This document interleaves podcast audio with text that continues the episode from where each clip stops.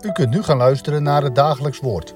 Dit is iedere maandag tot en met vrijdag om 10 uur, 3 uur en s'avonds om 7 uur.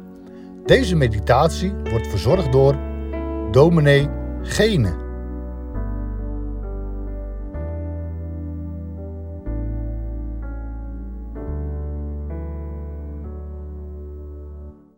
Goedendag luisteraars naar het dagelijks woord. We lezen vandaag een gedeelte weer uit het Lucas-evangelie. Lucas 4 vanaf vers 38. Nadat Jezus opgestaan en uit de synagoge vertrokken was, ging hij naar het huis van Simon. De schoonmoeder van Simon had hoge koorts en ze vroegen hem om hulp voor haar. En hij boog zich over haar heen, bestrafte de koorts en die verliet haar. Zij stond onmiddellijk op en diende hen. Toen de zon onderging, brachten allen die zieken hadden, door allerlei kwalen gekweld, deze zieken bij hem. En hij legde ieder van hen de handen op en genas hen. Ook gingen er van vele demonen uit, die schreeuwden en zeiden, U bent de Christus, de Zoon van God. Maar hij bestrafte hen en liet hun niet toe te spreken, omdat zij wisten dat hij de Christus was. Een gedeelte, zo lijkt het, uit het dagelijks leven zou je kunnen zeggen van de mensen die rondom Jezus stonden. Jezus was naar de synagoge gegaan en daar nu weer uit vertrokken en ging met Simon mee naar zijn huis. Daar verbleef ook de schoonmoeder van Simon, die dus blijkbaar een getrouwde man was.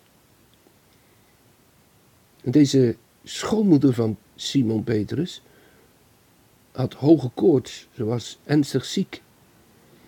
En daarom vroegen ze haar te helpen. Ze vroegen dat aan Jezus. Ze hadden van zijn macht gezien. Ze hadden geloofd dat er bij Jezus macht is om te genezen. De Jezus gaat daarop in. Hij boog zich over haar heen en bestrafte de koorts en die verliet haar. De koorts bestraffen, zo denken wij dan. Is het een macht? Is het een demon? Voor onze ervaringen met ziekte is dat wat anders. Toch kan het ons wel helpen om, zoals Lucas dat later in zijn evangelie ook opschrijft en aanduidt, het verband te zien tussen ziekte, zonde en de Satan. Niet dat een mens nu met een boze geest is bezet of door een demon, maar veel meer dat we het verband zien tussen het kwaad dat in de wereld gekomen is, doordat we de Satan gehoorzaamd hebben in het paradijs. En de gevolgen van onze zonde is dat de dood in de wereld is gekomen.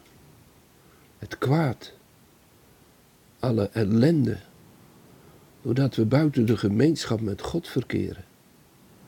Dat leerde u Misschien wel op de categorisatie. Ellende, dat betekent uitlandig. Wij zijn buiten het paradijs. Wij leven niet zoals we bedoeld zijn in de gemeenschap met God. En daarom hebben we verzoening en verlossing nodig. En daar is de Heer Jezus nu voor gekomen. En dat is wat het Evangelie ons aanwijst. Ja, steeds maar weer opnieuw. Dat de Heer Jezus tekenen en wonderen voor deed. Om te laten zien dat met hem, de Messias, het koninkrijk der hemelen gekomen is. En als wij genezen van koorts, dan voelen we ons nog wel een aantal dagen slap. Maar de schoonmoeder van Peter stond onmiddellijk op, staat er. En ze kon de aanwezigen daar in huis voorzien van dat wat ze nodig hadden. Ze diende hen. En dat, dat wordt het gesprek van de dag. Het gaat als een praatje rond door Capernaum. En als dan de Sabbat voorbij is, dan komen de zieken. Die worden gebracht door hun geliefden, door hun familieleden, door hun vrienden. Jezus, Jezus geneest. Jezus kan ook jou genezen. Ze zullen erover gesproken hebben. Mensen werden door allerlei kwalen gekweld en, en kwamen nu bij Jezus. De Heer Jezus organiseert niet een of andere grote meeting waarin de mensen door één woord van Jezus allemaal genezen worden. Het koninkrijk der hemelen is nabijgekomen. En in de Heer Jezus en in zijn persoon is dat midden onder de mensen, zo staat er al in het evangelie te lezen. Maar de grote dag van de wederoprichting aller dingen, van het koninkrijk der hemelen in volle glorie en heerlijkheid, dat is nog iets van de toekomst. De Heer Jezus moet eerst de schuld en de zonde dragen van de mensen. De straf op de zonde. Hij moet de oorzaak van onze eeuwige honger en kommer, zo zegt het avondmasformulier, wegnemen. Namelijk de zonde. Maar hij laat al zien, zoals hij ook predikt, dat het nabij is. Dat God nu in Christus Jezus de definitieve doorbraak van het kwaad bewerkstelligt. En de Heer Jezus legt daarom ook ieder van die mensen persoonlijk de handen op en geneest hen. En werden demonen uitgeworpen. En, en dan blijkt dat de Heer Jezus gekomen is om te lijden en te sterven. En niet om een of andere volksleider te worden. Die zich inpast in de mogelijkheden van, van de toenmalige tijd. Die, die de omstandigheden zo op zich neemt dat hij zegt: nu gaan we ook meedoen. Nou ja, laten we maar zeggen met de verkiezingen. Nu gaan we ook ons inpassen in het systeem dat nu heerst. En dan zullen we in de kracht van dat systeem een nieuwe samenleving bewerkstelligen. Nee, het komt alles van boven. Het komt van God. Die demonen die roepen, u bent de Christus, de Zoon van God. Ja, de hel moet erkennen dat Christus de Zoon van God is. Maar de Heer Jezus bestraft hen en laat hen niet toe te spreken. Hij heeft hen in zijn macht. Want zij wisten dat hij de Christus was. Zwijgen moeten ze. Want dan zal de massa worden opgehitst om achter Jezus als hun nieuwe partijganger aan te gaan. Nee, hij komt om de man van smarten te worden. Om te sterven aan het kruis, om de losprijs te betalen.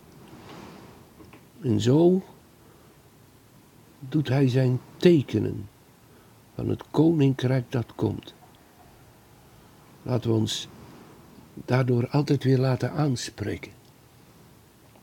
Het koninkrijk komt daar waar de Heer Jezus mensen de handen oplegt waar ze zijn woord horen en geloven, waar ze achter hem aankomen. De Christus, de gezalfde, de Messias, voor Israël en voor de volkeren, voor u, voor jou, voor mij. Laten we bidden. Trouwe Heren in de hemel, wij danken u dat wij het evangelie mogen lezen vandaag. De Heer Jezus is gekomen, uw Zoon, de Messias, lang beloofd, door u gegeven, door u aangesteld, door u met de Heilige Geest gezalfd, de Godmens, Jezus, om te verlossen en zalig te maken. En in de dagen dat hij op de wereld rondging, kon dat niet ongezien blijven. Mensen bemerkten het in zijn omgeving. Er kwamen er tot verandering. Ze werden ingewonnen, overwonnen voor uw koninkrijk. U genas. U toonde het koninkrijk is nabijgekomen. In Christus mijn enige geboren zoon. We bidden u, wil het ook vandaag tonen, heren. Daarin dat we uw woord mogen geloven. Dat we in ons hart ons vertrouwen leren stellen op u alleen. Dat u ons geneest van de dodelijke kwaal van zonde en schuld. Dat u ons verlost en bevrijdt door uw genade. Om niet meer te hangen aan de wereld. Om niet meer te leven met dat wat de wereld ons voorschrijft. Om niet meer te betrouwen op dat wat in de wereld voor het een en al wordt gezien. Want de zonde kan ons niet bevrijden. En de machten van de zonde kunnen er niet aan meewerken. Die moeten zwijgen. Uw macht alleen. Uw woord alleen. Opdat wij u, Heer Jezus, mogen aanbidden. Geloven. Betrouwen. Wil zo ook deze dag met ons zijn. En ons gebed horen in de vergeving van onze zonden, omwille van het offer dat de Heer Jezus bracht. Uzelf was in Christus de wereld met uzelf verzoenende. Hoor ons gebed uit genade. Om Jezus wil. Amen. Een hartelijke groet en een gezegende dag.